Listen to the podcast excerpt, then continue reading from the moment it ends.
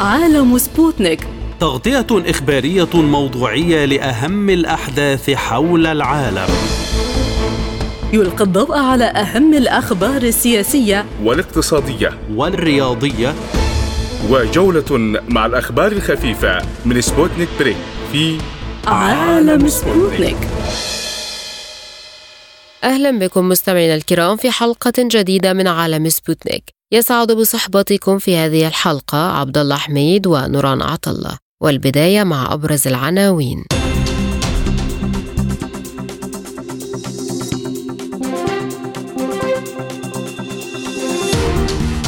نائب وزير الخارجية الروسي يؤكد أن العلاقات بين روسيا والولايات المتحدة على حافة الهاوية وموسكو تعمل على منع الوقوع في صراع مسلح مفتوح. مصر تطالب بوقف فوري لإطلاق النار في السودان وبايدن يهدد بعقوبات على الطرفين. مستشار الأمن القومي الأمريكي ووزير الخارجية يزوران السعودية بشكل منفصل.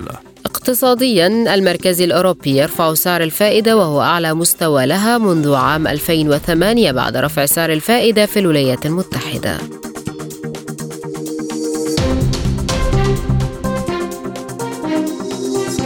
إلى التفاصيل. أكد نائب وزير الخارجية الروسي سيرجي ريابكوف أن العلاقات بين روسيا والولايات المتحدة على حافة الهاوية مؤكدا أن موسكو تعمل على منعهما من الوقوع في هاوية الصراع المسلح المفتوح. وقال ريابكوف إن موسكو تعمل على الحفاظ على العلاقات مع الولايات المتحدة من السقوط في الهاوية المفتوحة والصراع المسلح مؤكدا أن العلاقات بالفعل على حافة الهاوية. وشدد على أن ضبط النفس والنبرة الهادئة والطبيعة المسؤولة لتصريحات موسكو ترسل إشارة إلى المجتمع الدولي. مفادها أن روسيا الاتحادية لن تدفع بعلاقاتها مع الولايات المتحدة إلى هاوية الحرب المباشرة المفتوحة. ولكنها ستفعل كل شيء لحماية نفسها وسلامة أراضيها وأمن مواطنيها. وأكد ريابكوف أن روسيا على استعداد حرفيا لاستخدام كل الوسائل المتاحة لضمان عدم السماح لأي أحد بالتعدي على أمن البلاد والتعدي على أمن الرئيس والقيادة السياسية. للمزيد من التفاصيل لينضم إلينا من موسكو دكتور آصف ملحم مدير مركز GCI للدراسات. بعد تحية هل يعتبر هذا التصريح هو الأخطر منذ بدء التوتر؟ أه تحياتي لكم وللسادة المستمعين أه أستاذة نوران يجب أن نفهم نقطة واحدة أن الحرب الحقيقية فعلا هي ليست مع أوكرانيا بل هي مع الولايات المتحدة الأمريكية التي تريد فرض هيمنتها على كل دول العالم إلى ماذا تس... يجب أن نطرح السؤال التالي. إلى ماذا تسعى الولايات المتحدة الأمريكية؟ العقلية الأمريكية ويعني العقلية العولمية إن صح التسمية الأمريكية. تريد أن تحول كل دول العالم إلى ما يشبه الكنتونات الاقتصادية إلى ما يشبه الشركات الاقتصادية. أين هنا أين أي أي منطقة في العالم وأي دولة في العالم فيها ثروات باطنية فيها ثروات معينة؟ ستقوم بامتلاكها بعض الشركات الأمريكية وسكان تلك المنطقة سيتحولون إلى إلى مجرد موظفين عند الولايات المتحدة الأمريكية، هذا هو السعي الأمريكي، ال ال وبالتالي تسعى نلاحظ دائما السياسة الأمريكية تقوم على تقسيم الدول، لأن كلما قسم كلما كانت الدول أصغر كلما سهل التحكم فيها يعني، هذه نقطة، النقطة الثانية أستاذة نوران، فلذلك كيف تتصرف الولايات المتحده في هذه في هذه الفترة؟ تدفع أوكرانيا إلى مزيد من الاستفزازات، إلى مزيد من استفزاز روسيا، يعني لو لو نظرنا إلى الهجوم على الكرملين في بالطائرة بن طيار هي عبارة عن مفرقعات أستاذ نوران. يعني عبارة طائرة بن طيار صغيرة جدا حلقت بين البيوت وبين الأشجار إلى الكرملين. هذه عبارة عن مفرقعات. هي من تدفع روسيا إلى القيام بعمل أحمق ما. يعني وكأنهم يريدون يعني وكأن روسيا عبارة عن ولد مراهق تعرض إلى لكمة وسيقوم بالرد بلكمة أخرى. القضية ليست هكذا. روسيا أعقل من بكثير من ذلك وأحكم بكثير من ذلك والرئيس بوتين يعني حتى الآن لم يقدم أي تصريح إلا أن للأسف الشديد هي من تدفع في هذا الاتجاه هي التي تهيئ دول أوروبا الشرقية لمواجهة روسيا وتعزيز إن صح التسمية المزاج العدائي لروسيا بناء على أحداث تاريخية حدثت في زمن الحقبة السوفيتية. هذه هي المشكلة. يبدو أن الولايات المتحدة لا تريد سلاما يعني هذه الرسالة التي أرسلتها الطائرة بدون طيار التي ضربت الكرملين يعني هذه رسالة واضحة إلى روسيا أن الولايات المتحدة لا تريد السلام. يعني هي مستمرة في هذه الحرب ولكن هي لن تقوم بالحرب. هي هي تستخدم غيرها لهذه الحرب، وبالتالي يعتقد أعتقد أن كلما زاد الضغط الولايات المتحدة الأمريكية على روسيا كلما ازدادت بالتأكيد احتمالات المواجهة المباشرة، احتمالات المواجهة المباشرة تعلم الولايات المتحدة الأمريكية جيدا وروسيا تعلم جيدا أنها ستكون كارثية على الجميع، لذلك نلاحظ أن روسيا دائما تتبع الدبلوماسية الحكيمة، يعني تنسق تنسق عملها مع الهند مع الصين مع الدول الكبرى في العالم لوقف هذا يعني لوقف آه لوقف هذه العدوانية الأمريكية المستمرة آه في محيط روسيا. ما هي مؤشرات الوصول للهاوية التي يتحدث عنها ريابكوف؟ أستاذ نوران أعتقد أن يعني طبعا هذا الكلام تكرره روسيا باستمرار. أحد المؤشرات الأساسية هو إمكانية قيام كييف بهجوم معاكس، الهجوم المعاكس التي تعتمد التي تعتزم بالأحرى آه، أوكرانيا القيام به، يعني كل السيناريوهات المتوقعة حوله هي سيناريوهات فاشلة. آه، السيناريو الأول أن تقوم أوكرانيا بال يعني بال آه، بالالتحام المباشر مع القوات الروسية المتواجدة على الجبهات في أوكرانيا. في هذه الحالة قد تقوم روسيا ستقوم روسيا بالتأكيد بتحطيم الجيش الأوكراني وقد تقوم روسيا بعد ذلك بهجوم معاكس إلى حدود بولونيا. السيناريو الآخر أن تقوم أوكرانيا بالدخول في المناطق السكنية والمدن والقرى وما شابه ذلك وتقوم يعني بإجراء يعني آه، بقتل عدد أكبر عدد كبير جدا من المدنيين في تلك في تلك المناطق، وبالتالي هنا ستكون ستكون روس تقوم روسيا آه، أو بالعكس ستكون آه، ردة الفعل الروسية عنيفة جدا وقد تقوم فعلا يعني بضرب بعض بعض الدول بعض دول الناتو. السيناريو السيناريو الآخر وهذا السيناريو هو الأخطر أن تقوم يعني كييف يعني وكل المؤشرات تؤكد على أنهم أعدوا جيشا من الطائرات دون طيارة والهجوم على موسكو. يعني أن توجه هذه الطائرات في يوم واحد كل توجه باتجاه موسكو. هنا روسيا يعني لن تسكت عن هذا الاستفزاز ولن يعني ولن تتقبله. يعني إذا بلعت هذه المفرقعات التي ضربت الكرملين لن تبلع مثل هذا الهجوم وتقوم بالتأكيد بضرب الدول التي وجهت هذه هذه الطائرات. اذا نحن نحن في هذه المرحلة يعني في الحقيقة نعيش جميعا على أعصابنا ولا هذا سيعتمد على السلوك الأمريكي. روسيا لا تهاجم أحد روسيا تدافع عن نفسها هي هو من هي التي يهجم عليها القواعد العسكرية تقام في حدودها وبالتالي هي, هي التي يتم استفزازها. ولكن هذا يعتمد على السلوك الأمريكي. اذا إذا قامت الولايات المتحدة الأمريكية يعني بخطوة إلى الخلف ان صحت التسمية وجنحت باتجاه المفاوضات والعقلانية يعني آه، والحوار مع الصين والهند وروسيا وأوروبا بهدف يعني تعزيز الأمن في العالم فأعتقد أن الأمور يعني ستتم يعني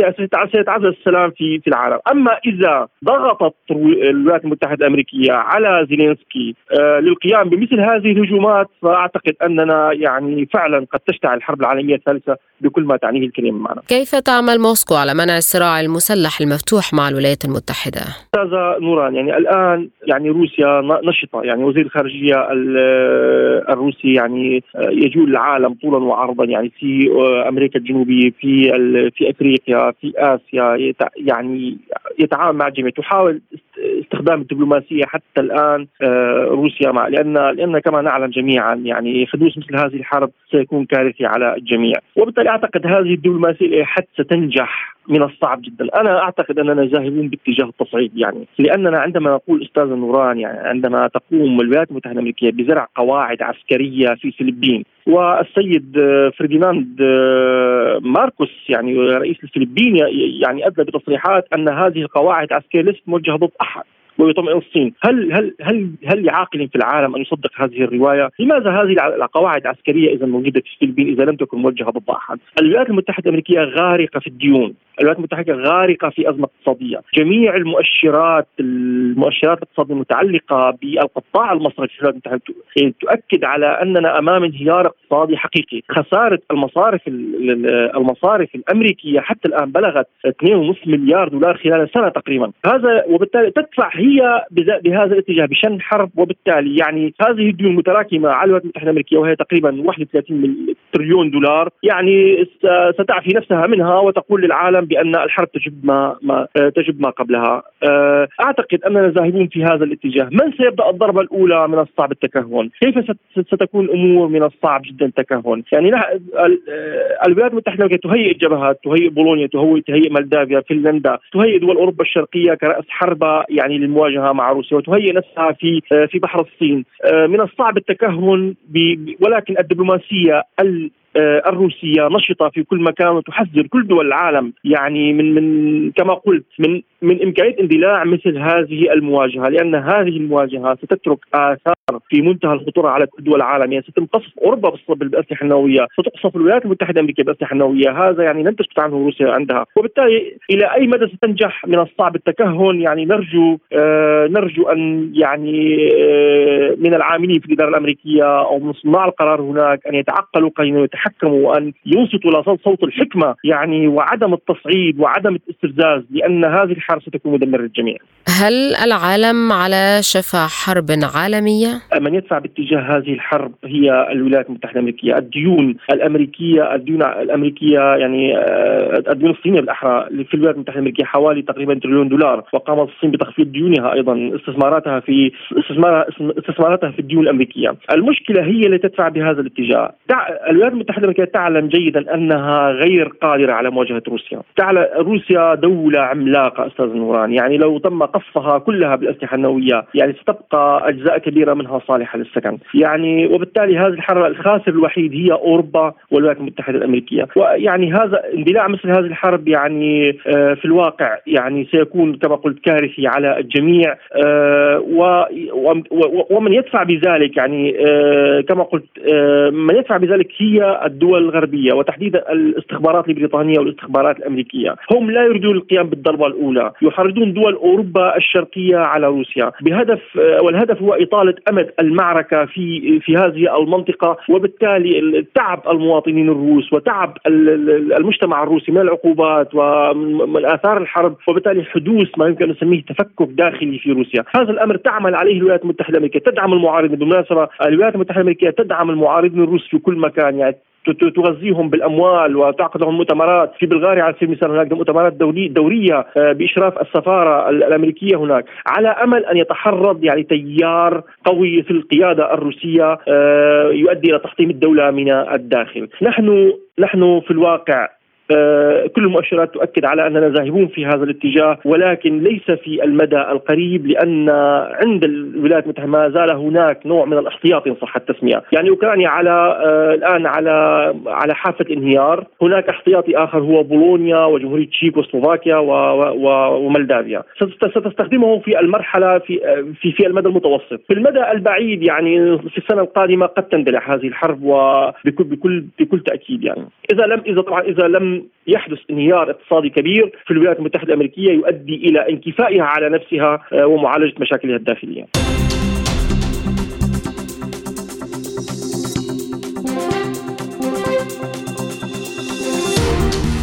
أكد وزير الخارجية المصري سامح شكري على ضرورة الوقف الفوري لإطلاق النار مشددا على أهمية تكاتف الجهود الدولية ووحدة الرسائل المواجهة للأطراف من أجل تحقيق هذا الهدف وعدم تدخل أي طرف خارجي بشكل يؤجج النزاع. كانت مصر دعت أطراف النزاع الجاري في السودان على ضوء استمرار العمليات العسكرية واحتمالات التصعيد إلى الوقف الفوري للعمليات العسكرية حقنا لدماء أبناء الشعب السوداني. بينما أصدر الرئيس الأمريكي جو بايدن امرا تنفيذيا يسمح بفرض عقوبات على بعض الأشخاص الذين يزعزعون استقرار السودان ويقودون هدف التحول الديمقراطي. وكتب بايدن في رسالة إلى رئيس مجلس النواب وزعيم الأغلبية في مجلس الشيوخ أنه يرى أن الوضع في السودان يشكل تهديدا غير اعتيادي للأمن القومي والسياسة الخارجية للولايات المتحدة. وتابع الرئيس الأمريكي إن هذا العنف الذي خطف بالفعل أرواح مئات المدنيين وبدأ خلال شهر رمضان المبارك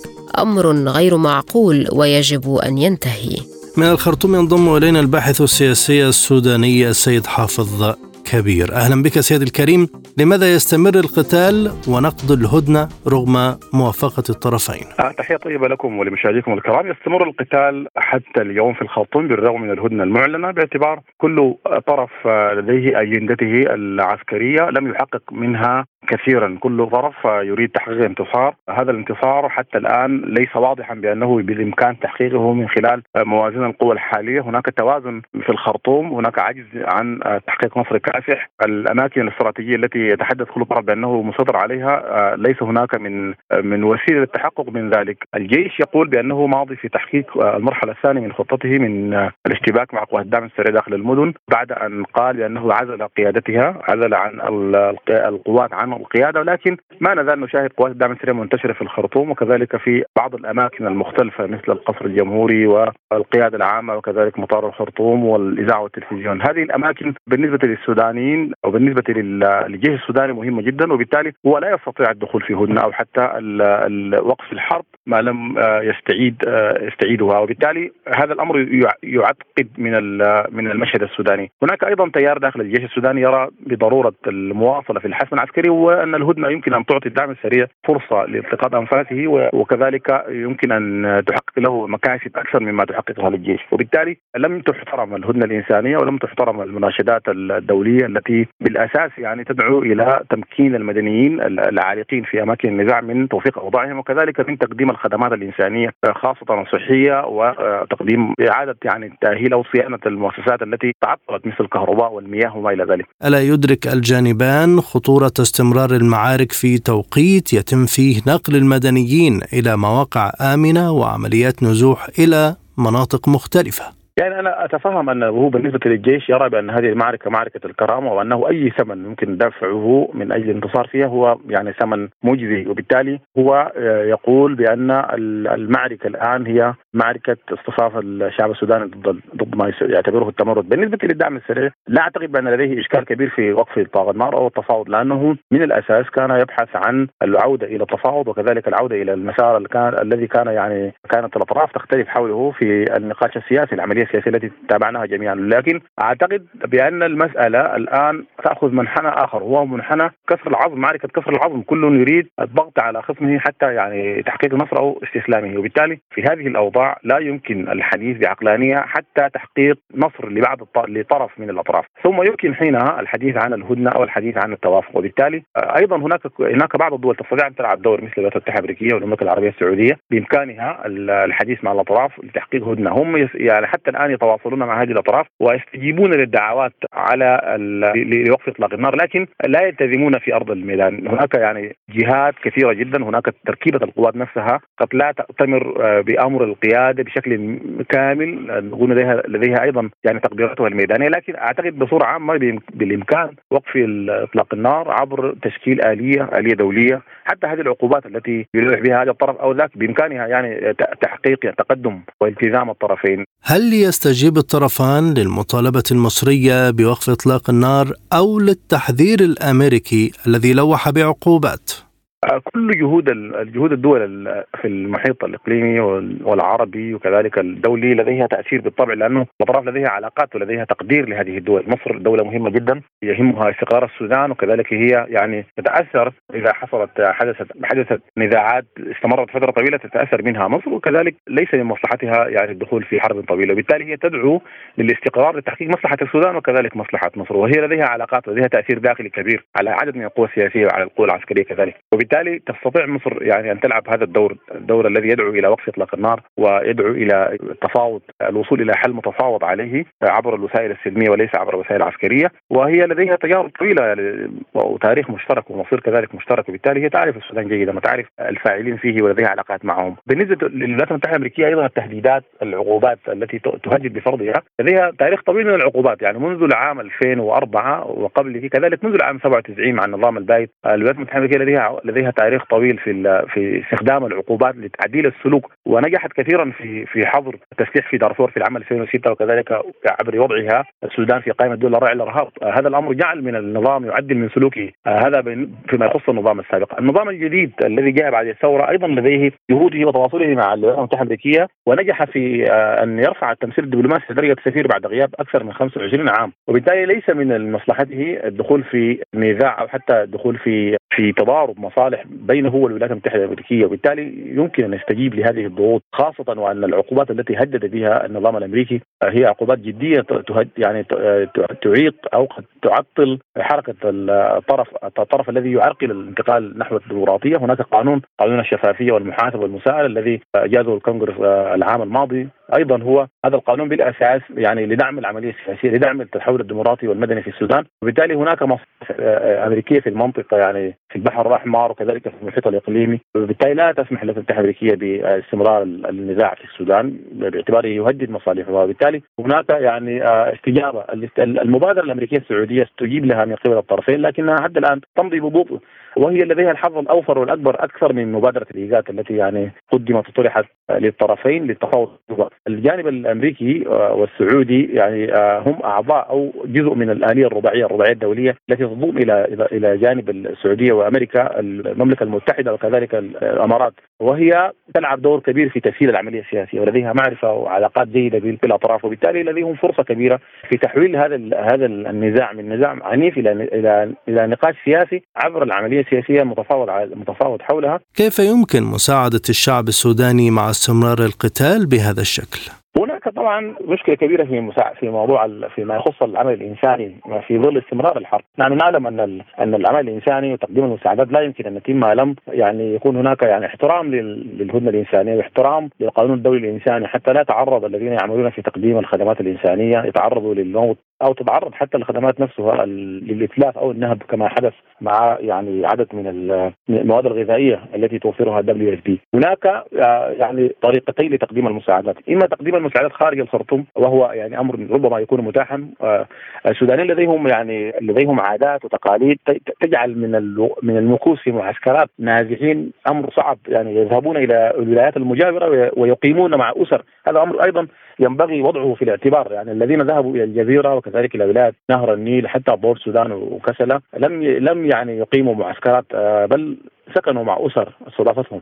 وبالتالي هناك ضغط عالي ضغط كبير على هذه الأسر من حيث توفير المواد الغذائية وما إلى ذلك، كذلك آه، يمكن الضغط على الطرفين باقرار هدنة آه، أو أو تحديد مقرات مسارات آمنة لتقديم الدعم الإنساني، لكن في ظل الشكوك المتبادلة وعدم الثقة أعتقد أن هذا الأمر صعب للغاية إلا في إطار عملية شاملة وفقا لشروط وفقا لآلية رقابة لتحقيق هدنة أو وقف إطلاق نار شامله لتقديم المساعدات الإنسانية، الآن نحن ندخل الأسبوع الثالث هناك شح في المواد الغذائية، هناك شح في الطاقه وكذلك هناك يعني أكثر من 67% من المستشفيات لا تعمل الآن، هناك شح في المواد الطبية المنقذة للحياة، الآن آه، يعني أكثر من 100 آه، ألف من مرضى الكلى يعانون الآن ومعرضون للموت، كذلك مرضى السكري والامراض المزمنة الذين يعني يتلقون علاج بصورة مستمرة، الآن هم في في موقف حرج، الامدادات الطبية نفسها تعرضت للمنطقة التي توجد فيها الامدادات الطبية تعرضت لاشتباكات وبالتالي لا يمكن للاطقم الطبية أن تعمل في ظل هذا الحرب.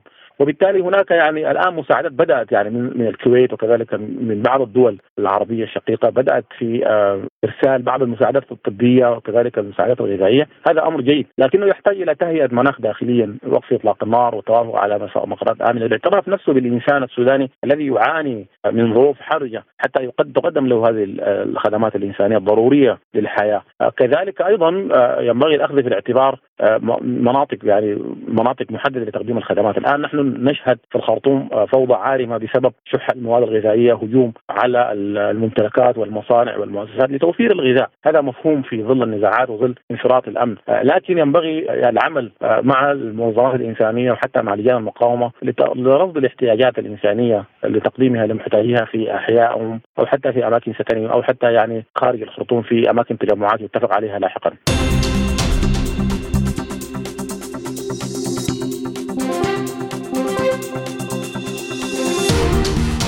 أعلن مستشار الأمن القومي الأمريكي أنه سيزور السعودية نهاية الأسبوع الجاري لافتا إلى أن ممثلين من الهند والإمارات سيزورون السعودية أيضا وذلك لمناقشة مجالات جديدة للتعاون بين نيودلهي والخليج وكذلك الولايات المتحدة وبقية المنطقة. وقال مستشار الأمن القومي الأمريكي جيك سلوفن إن الاتفاق بين السعودية وإيران على استئناف العلاقات بينهما والذي تم توقيعه في أوائل أبريل الماضي يتماشى مع التوجهات الأمريكية القائمة على سياسة الردع والدبلوماسية مشيرا إلى أن الرياض كانت على اتصال بواشنطن بشأن مجريات المفاوضات التي جرت بين الجانبين طوال الأشهر الماضية. وأضاف سوليفان أن بلاده عملت مع شركائها السعوديين على مشاركة المعلومات بشأن تهديدات بهجمات إيرانية ضد المملكة في نوفمبر الماضي مشددا على أن الهجوم لم يحدث بسبب هذا التعاون الأمني الوثيق. في الوقت نفسه يزور وزير الخارجية الأمريكي أنتوني بلينكن المملكة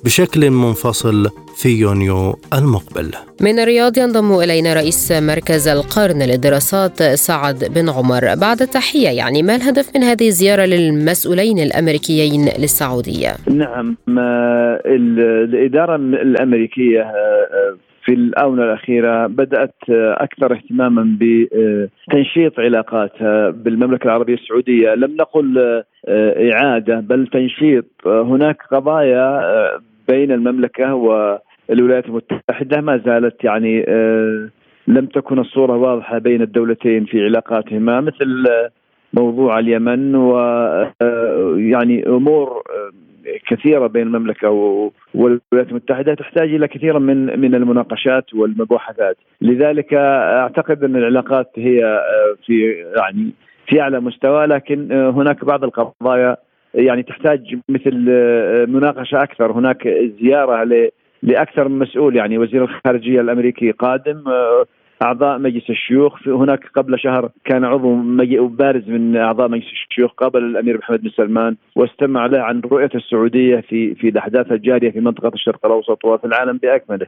أظن لا لا جديد هناك هو مجرد تنسيق وتعاون مستقبلي على أكثر من صعيد. ما هي أبرز القضايا العالقة أو التي تحتاج إلى تفاهم أكبر بين الرياض وواشنطن؟ يعني التنسيق لم يتوقف لكنه خفت ضوءه قليلا واستمر الآن أو ابتدى جديدا بعد الموضوع الاتفاق السعودي الإيراني أعتقد أن الأمريكان يعني بحاجة إلى معرفة آراء السعودية بالنسبة لسوريا وإعادتها إلى جامعة الدول العربية، كذلك السعودية ترى أن من الواضح أن يكون موقف الولايات المتحدة من اليمن موقفا واضحا وصريحا. آه، أيضا لا تنسى أن هناك قضية طرات جديدة على الوطن العربي اللي هي السودان وهناك يعني آه، شبه آه، اتفاق على أن تقوم السعودية والولايات المتحدة بدور وسيط كامل في موضوع إيقاف الحرب. سوليفن تحدث عن الاتفاق السعودي الإيراني وموافقة أمريكا عليه وفي الوقت نفسه تحدث عن تعاون أمني بين واشنطن والرياض لمنع هجمات إيرانية على السعودية فكيف يمكن تفسير هذا الحديث؟ اولا لا, لا لم يعني لم لم يقم أحد بالدفاع عن السعودية أو ايقاف هجمات على السعودية يعني القوات السعودية والأجهزة الدفاع الجوي والرادارات السعودية قائمة بعملها على الوجه الأكمل إذا كانت هناك محاولات يعني في البحر كاختطاف السفينة فهذا ليس موجه للسعودية موجه إلى يعني هناك قضايا إيرانية يعني تطرحها على الطاولة مثل السفينة هذه. ما هو الهدف من احتجازها وما إلى ذلك؟ مساله الدفاع السعودي فالسعودية عملت على الحصول على جميع الأجهزة والمعدات الاستراتيجية التي تقوم بحماية أجواءها سواء من إيران أو من غير إيران. لماذا تريد واشنطن إعادة شكل من أشكال التوتر مع طهران بعد عودة العلاقات أو بداية عودة العلاقات لطبيعتها بين طهران والرياض؟ بالنسبة للعلاقات السعودية الإيرانية آه، يعني لا يمكن أن آه، تقوم دولة آه، ليس لها مصلحة في العلاقات السعودية الإيرانية بدور بدور سلبي الأمر مكشوف. بالنسبة للولايات المتحدة إذا كان هناك أي خلافات مع الولايات مع إيران فهذا خارج حدود السلطة السعودية وأيضا خارج حدود الصلاحيات الأمريكية أنها تتدخل، العلاقات السعودية الإيرانية هناك تفاهمات مباشرة وهناك معالجات لأي مشاكل يعني تحدث. بالنسبة لما حصل للسفينة في التي أبحرت من دبي واختطفت في خليج عمان هذه قضية أخرى قد تخص الشركة المانحة أو تخص يعني الموردين أو المستوردين هذه قضايا جانبية ما يعني لا أعتقد أنها لها تأثير على العلاقات السعودية الإيرانية التي بدأت تعود إلى آه، مسارها الصحيح. كيف يمكن تقييم العلاقات السعودية الأمريكية حاليا وهل يمكن وصفها بالباهتة وهل أوصل المسؤولون السعوديون وجهة نظرهم من توسع دائرة علاقات الرياض؟ نعم السعودية استطاعت أن تقنع الولايات المتحدة بطريقة آه، عملية أن البرود الأمريكي تجاه السعودية غير في غير صالح الولايات المتحدة. نعم السعوديون أوسعوا آه، نشاط علاقاتهم الخارجية مع آه، الصين ومع روسيا مع دول كثيرة حتى مع البرازيل ومع دول البريكس لذلك أعتقد أن ذلك لن يؤثر على العلاقات السعودية الأمريكية بقدر ما تتأثر أمريكا اقتصاديا.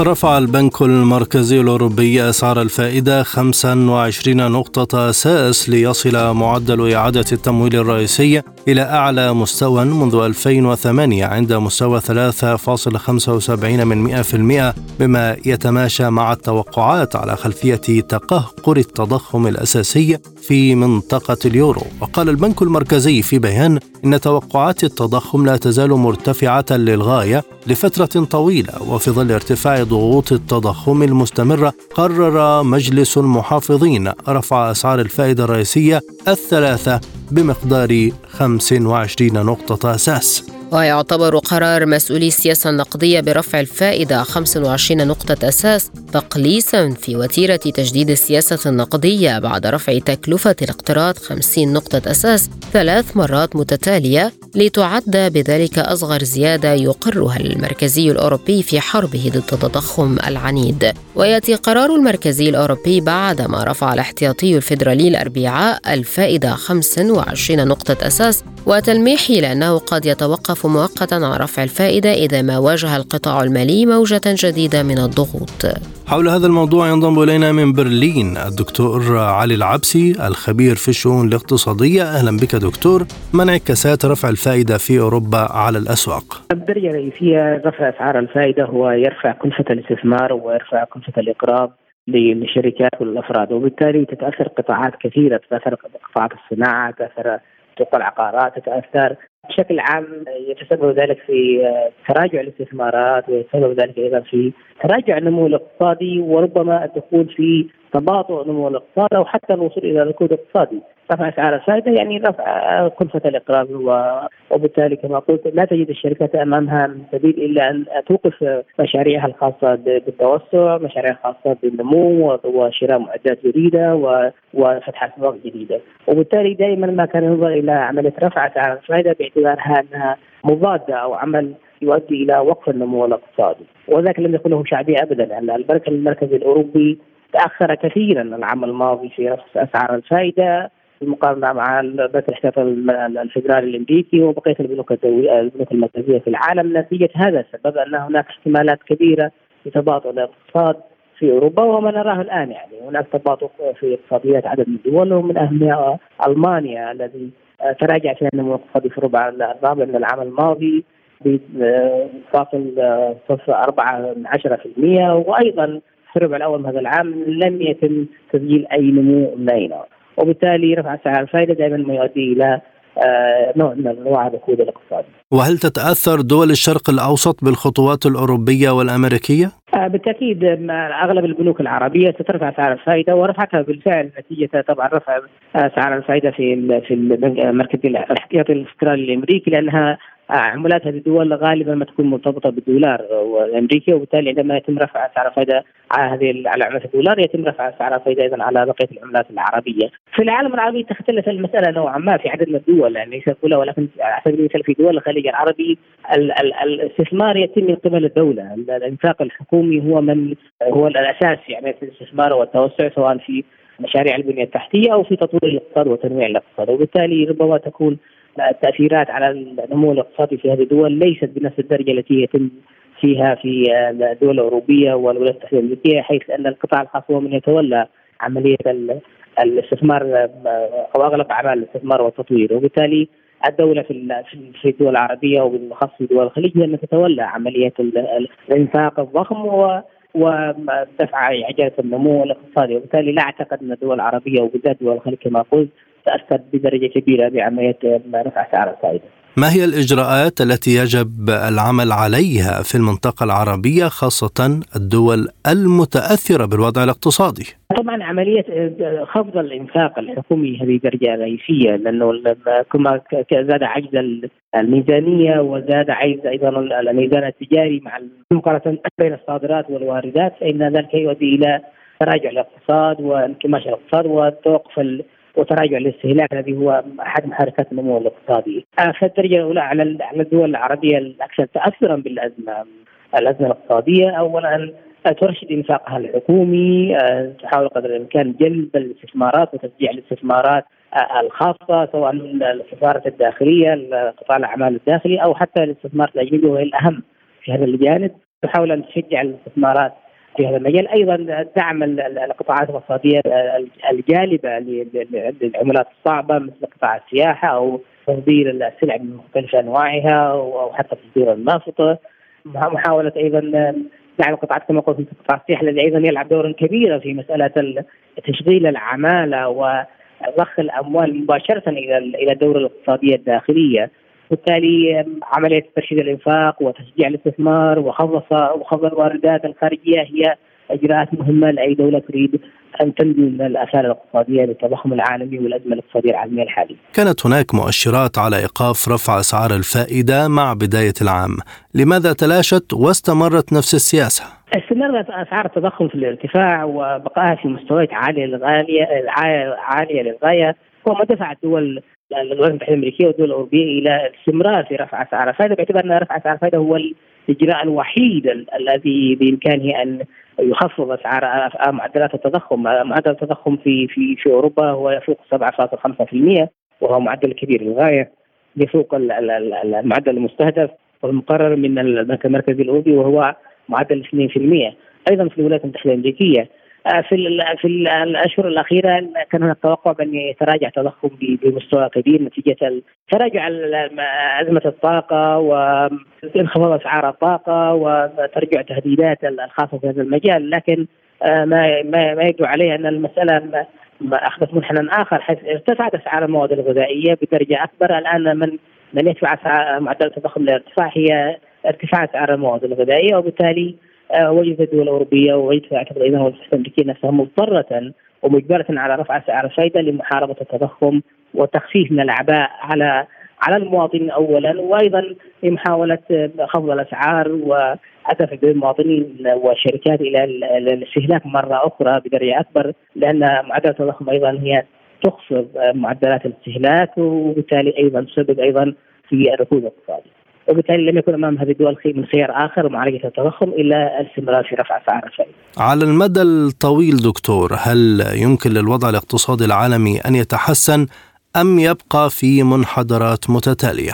التوقعات العالمية سواء من صندوق النقد الدولي أو البنك الدولي أو حتى توقعات مراكز البحوث الاقتصادية في دول مختلفة تتوقع أن تستمر الأزمة خلال هذا العام الحالي 2022 ربما تصل إلى مسافه تحصيل ركود اقتصادي في بعض الدول آه، خصوصا في أوروبا. ولكن في العام القادم 2024 هناك توقعات بأن يعود التضخم إلى معدلاته الطبيعية أو ان ينخفض من المعدلات العالية حاليا إلى معدلات آه، معقولة أو ليست عالية بالمقارنه بالمعدلات المستهدفة أيضا ستعود الاقتصادات إلى إلى إلى تسجيل نمو نمو ما حتى لو كانت بنسبه قليله ولكنها ستعود إلى تسجيل النمو في العام القادم.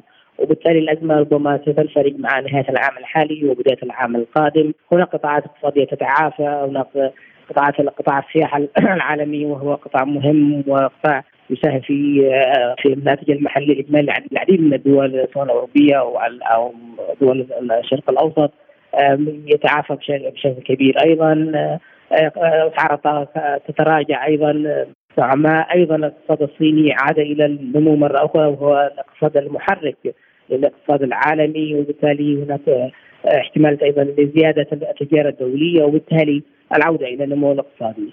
فكل التوقعات الاقتصاديه تشير إلى أن أن الازمه سوف تنتهي بداية العام القادم وستعود سعود الاقتصاد العالمي وسعود تعود اقتصاديات الدول الكبرى إلى النمو مره أخرى في العام 2024. الآن مستمعين إليكم جولة إخبارية حول العالم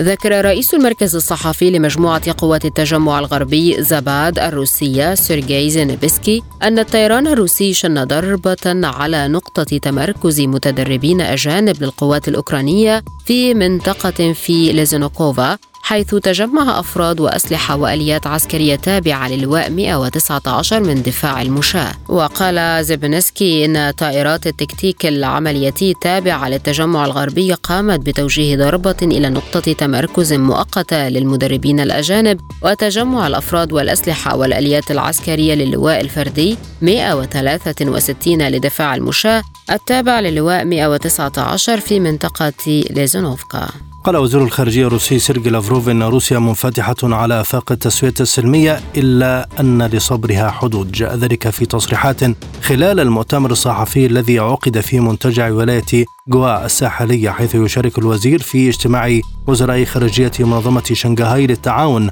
حيث تابع بشأن إمكانية التسوية السلمية للأزمة الأوكرانية أن روسيا منفتحة على آفاق التسوية السلمية للأزمة مؤكدا في تعليق على العمل الإرهابي الذي استهدف الكرملين بأن واشنطن لا تتوقف عن إمداد نظام كييف بالأسلحة والمعدات العسكرية. أعلن وزير الخارجية الصيني تشين جانغ خلال لقائه نظيره الروسي سيرجي لافروف استعداد الجانب الصيني للتعاون مع روسيا وتقديم مساهمة حقيقية في تسوية الأزمة الأوكرانية. ونقلت وزارة الخارجية الصينية عن جانغ قوله إن الصين ستعمل باستمرار على تعزيز مفاوضات السلام. الآن إليكم تذكرة بأهم العناوين.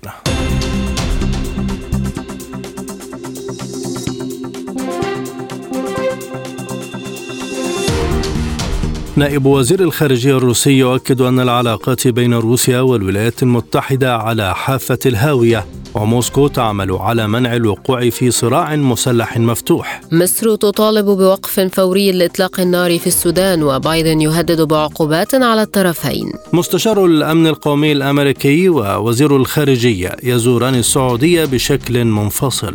اقتصاديا المركز الأوروبي يرفع سعر الفائدة وهو أعلى مستوى لها منذ عام 2008 بعد رفع سعر الفائدة في الولايات المتحدة. إلى الأخبار الاقتصادية. أظهرت مراجعة لوزارة التنمية الاقتصادية الروسية حول الأسعار أن التضخم في روسيا تباطأ في البلاد وبلغ في الثاني من مايو الجاري 2.42 من عشرة على أساس سنوي مقابل 2.55% تم تسجيلها في الرابع والعشرين من أبريل الماضي. وبذلك يكون المؤشر قد سجل أدنى مستوى له منذ فبراير 2020 حينها كان عند 2.3 من عشرة بالمئة. ارتفعت أسعار النفط في التعاملات الأسيوية لكنها تتجه لتكبد ثالث خسارة أسبوعية على التوالي بعد أن شهدت الأسواق تراجعات حادة وسط المخاوف من ضعف الاقتصاد الأمريكي وتباطؤ الطلب الصيني وارتفع خام برنت 60 سنتا أو فاصل 8% إلى 73 دولارا و10 سنتات للبرميل بينما زاد خام غرب تكساس الوسيط الأمريكي 52 سنتا أو فاصل 8% إلى 69 دولارا و8 سنتات للبرميل بعد تسجيل خسائر على مدى أربعة أيام متتالية.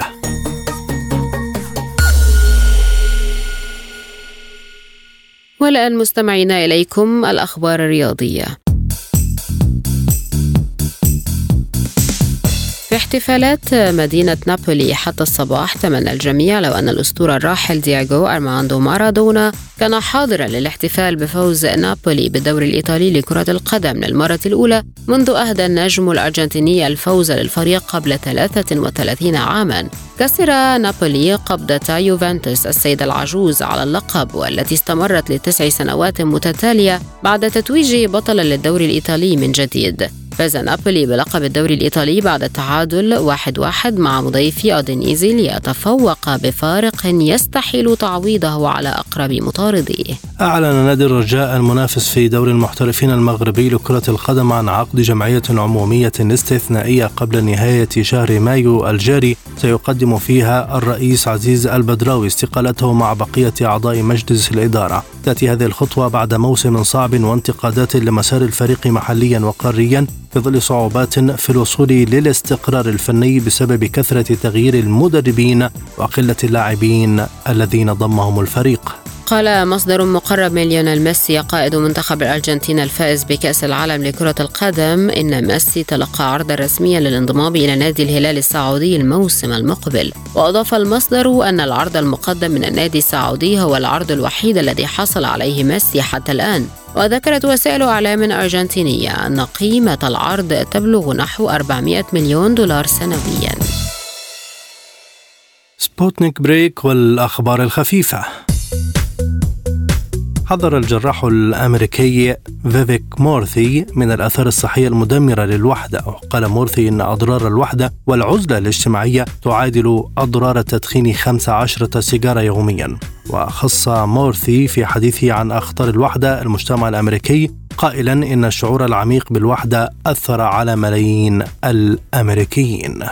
كشف استطلاع مؤشر الثقة السنوي لعام 2023 الخاص بشركة أدلمان أن المملكة العربية السعودية تحتل المرتبة السابعة بين أكثر الدول تفاؤلا وثقة في الدول محل الدراسة. وأظهر التقرير الذي يعني بقياس مستويات الثقة في المؤسسات الأربعة الرئيسية في المملكة الحكومة قطاع الأعمال المنظمات غير الحكومية ووسائل الإعلام. وشمل أكثر من 32 ألف مشارك ب 28 دولة بأن مؤشر الثقة في الحكومة السعودية حقق نسبة 83% والآن مستمعين مع أبرز ما تصدر مواقع التواصل الاجتماعي من ترندات وهاشتاجات والبداية بالعناوين.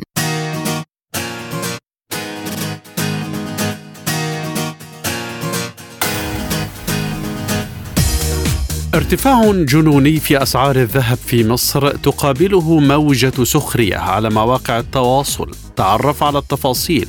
بسبب الحجاب داعية تونسي يثير غضب مواقع التواصل ثم يعتذر. تعرف على القصة. ما هو مصير ودائع العملاء في البنوك السودانية في ظل عمليات السرقة والنهب؟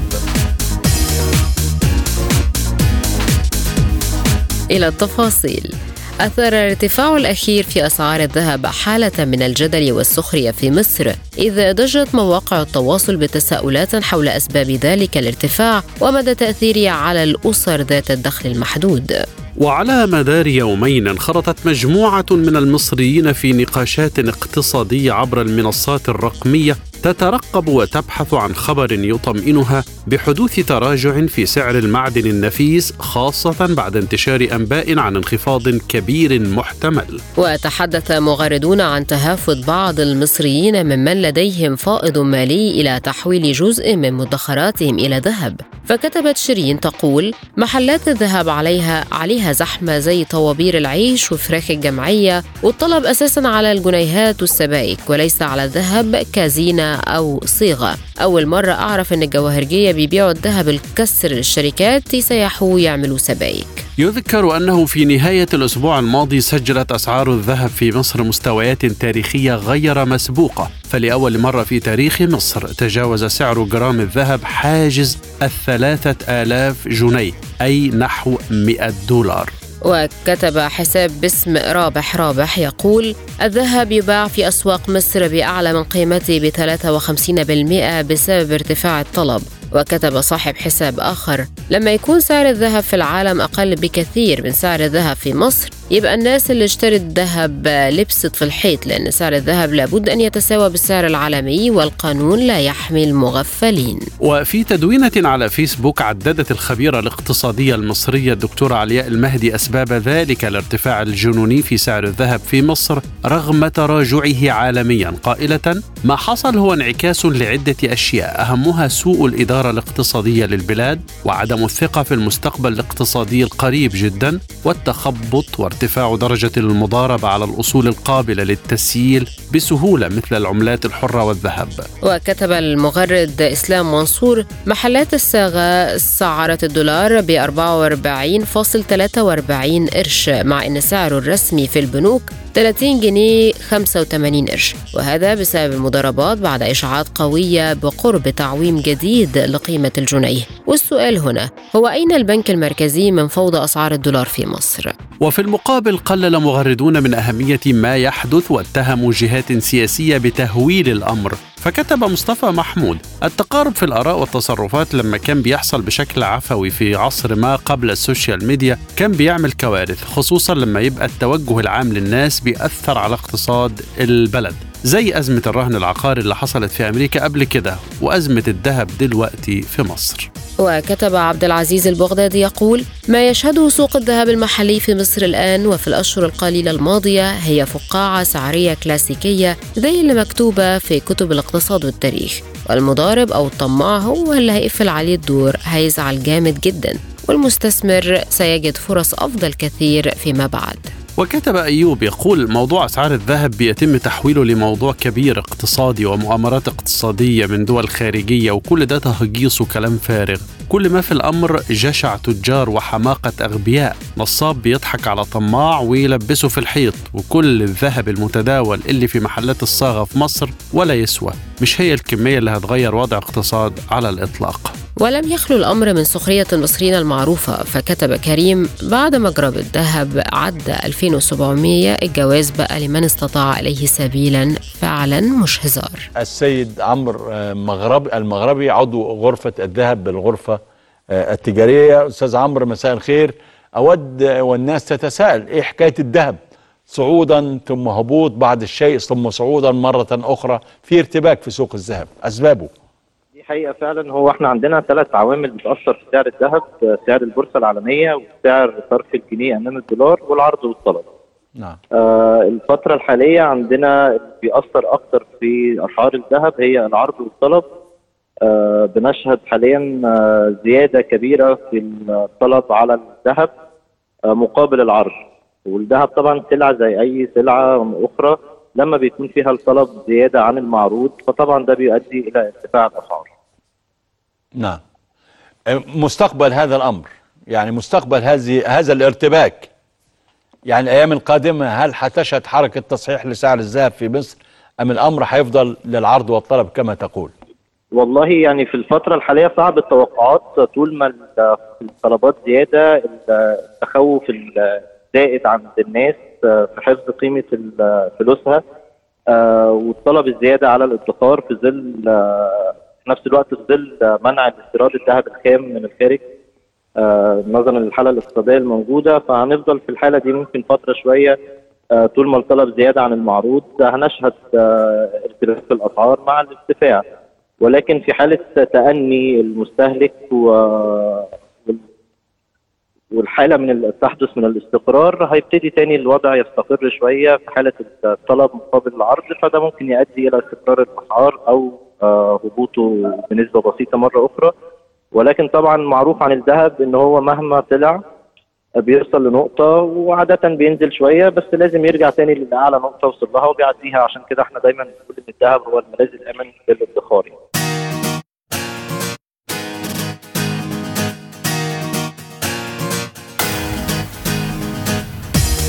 أثار الداعية التونسي محمد بن حمودة جدلا واسعا عبر مواقع التواصل الاجتماعي بعد تصريحات تطرق فيها إلى فرضية الحجاب.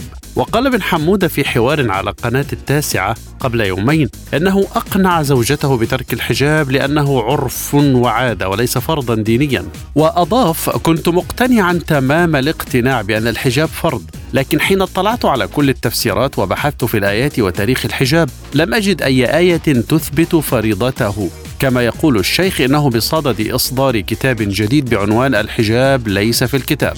وعلى مدى أيام استحوذت تصريحاته حول الحجاب على اهتمام واسع أو اهتمام قطاع واسع من رواد مواقع فيسبوك في تونس وتباينت الآراء ما بين مؤيد ومعارض. فكتبت نايلة تقول كذب محمد بن حمودة الذي قال إن الحجاب ليس فرضا وصدق الله تعالى حيث قال في القرآن الكريم يا أيها النبي قل لأزواجك وبناتك ونساء المؤمنين يدنين عليهن من جلابيبهن ذلك أدنى أن يعرفن فلا يؤذين. وكتب حمزة عبدو يقول السيد حمودة طعن في الحجاب اللي هو شعيرة وفرض عين على كل مسلمة عاقلة وبالغة وأنا هنا أقول ربي يتولى بعدله أميت الباطل بالسكوت عنه فالترويج لهذه الآراء من شأنه تمييع الثوابت الدينية بحجة حماية حرية الآخر في فهم النص. وكتب عز الدين لماذا لم يتحدث الداعي عن الفقر والبطالة والجوع ونقص المرافق الصحية ونقص الأمن في تونس؟ اجتهد فقط في مسألة الحجاب. Recep وكتب أمجد الاهتمام الإعلامي بمسألة الحجاب باعتباره بالون اختبار لجس نبض الرأي العام لتمرير تشريعات جديدة والخوف من عودة التضييق على الحريات الدينية وإعادة إحياء المنشور رقم 108 الذي سنه الرئيس الراحل بورقيبة لحظر الحجاب. ومن جهة أخرى تضامن آخرون مع حمودة وأشاروا إلى أنه يتعرض لحملة غير مسبوقة وصلت حد التكفير. كما وصف بعضهم الشيخ بأنه مثال للشيوخ المعتدلين والعقلانيين. ويرى أصحاب هذا الرأي أن أفكار حمودة تقوم على أسس دينية علمية خلافا لتفسير منتقديه الذين يعتمدون قاعدة النقل قبل العقل.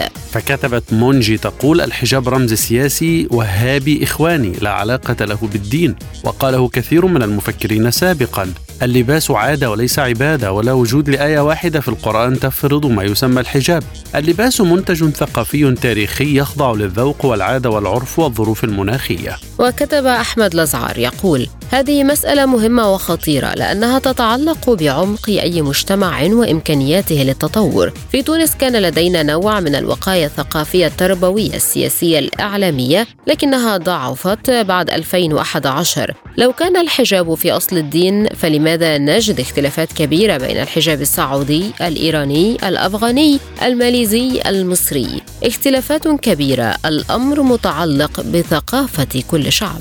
وبحسب وسائل إعلام محلية فقد اعتذر الشيخ في وقت لاحق عن تصريحاته إلا أن ذلك لم يوقف موجة الانتقادات التي طالته. كما نشرت صفحة على فيسبوك تحمل اسم الشيخ محمد بن حمودة تدوينه ينفي فيها دعوته للنساء لخلع الحجاب وأضاف لم يكن ذلك قصدي يوما. ما أردته فقط هو مناقشة الآيات والأحاديث الواردة في فرضية الحجاب من عدمه. ومن اجتهد وأصاب فله أجران ومن اجتهد ولم يصب فله أجر واحد. بالكاد تهدأ السجالات حول ما بات يعرف بمعركة الحجاب في تونس. فلا الثورة والتغييرات الاجتماعية والسياسية أثرت على طرح الحجاب كقضية عامة بدلا من اعتباره مسألة شخصية. ولكن المختلف ربما هذه المرة هو أن التصريحات حول الحجاب لم يثرها فنان أو إنفلونسر بل شيخ مشهور يدعى محمد بن حمودة. حمودة وعلى خلاف إجماع معظم الشيوخ نفى أن يكون حجاب المرأة فرضا دينيا وقال إنه أقنع زوجته بترك الحجاب لأنه عرف وعادة حسب تعبيره. هل هي متحجبة؟ كانت لابسة الخمار ونحاته. وحدها؟ لا أنا قلت لها نحيه قنعتها باش تنحيه مش تنحيه. قلت لها نحيه خاطر مش فرض هي قنعت اليوم مش فرض يعطيك الصحة. مع مرتك كانت لابسة الحجاب وانت أقنعتها باش تنحيه أنا كنت نحب أمي تلبس الحجاب وكنت أختي نلبسها الحجاب وبنتي نحب نلبسها الحجاب وكنت مقتنع تمام الاقتناع أنه الحجاب هذاك حاجة فرض وقت اللي بحثت ولوجت في الآيات وشفت الأحاديث وشفت إيش آه، صار قبل وشفت آه، تاريخ الحجاب تقرأ مش كبير أي. برشا 80 صفحة خلق أي. العادة فيه بالباء والتاء اقتنعت وقتها اللي هو ما عادي هو لباس عادي جدا لباس تابع العرف ما عنده حتى علاقة بالحلال والحرام ما وقفك الجدل بشأن آراء بن حمودة يسبق إصداره كتابا بعنوان الحجاب ليس في الكتاب وعلى مواقع التواصل مشاهدينا أتت التعليقات كما يلي. لطفي يقول لا حول ولا قوة إلا بالله العلي العظيم. هالسيد هذا يفتخر بخلع الحجاب عن زوجته ويفتي زاده؟ في الختام إليكم تذكرة بأهم ما جاء في عالم سبوتنيك لهذا اليوم.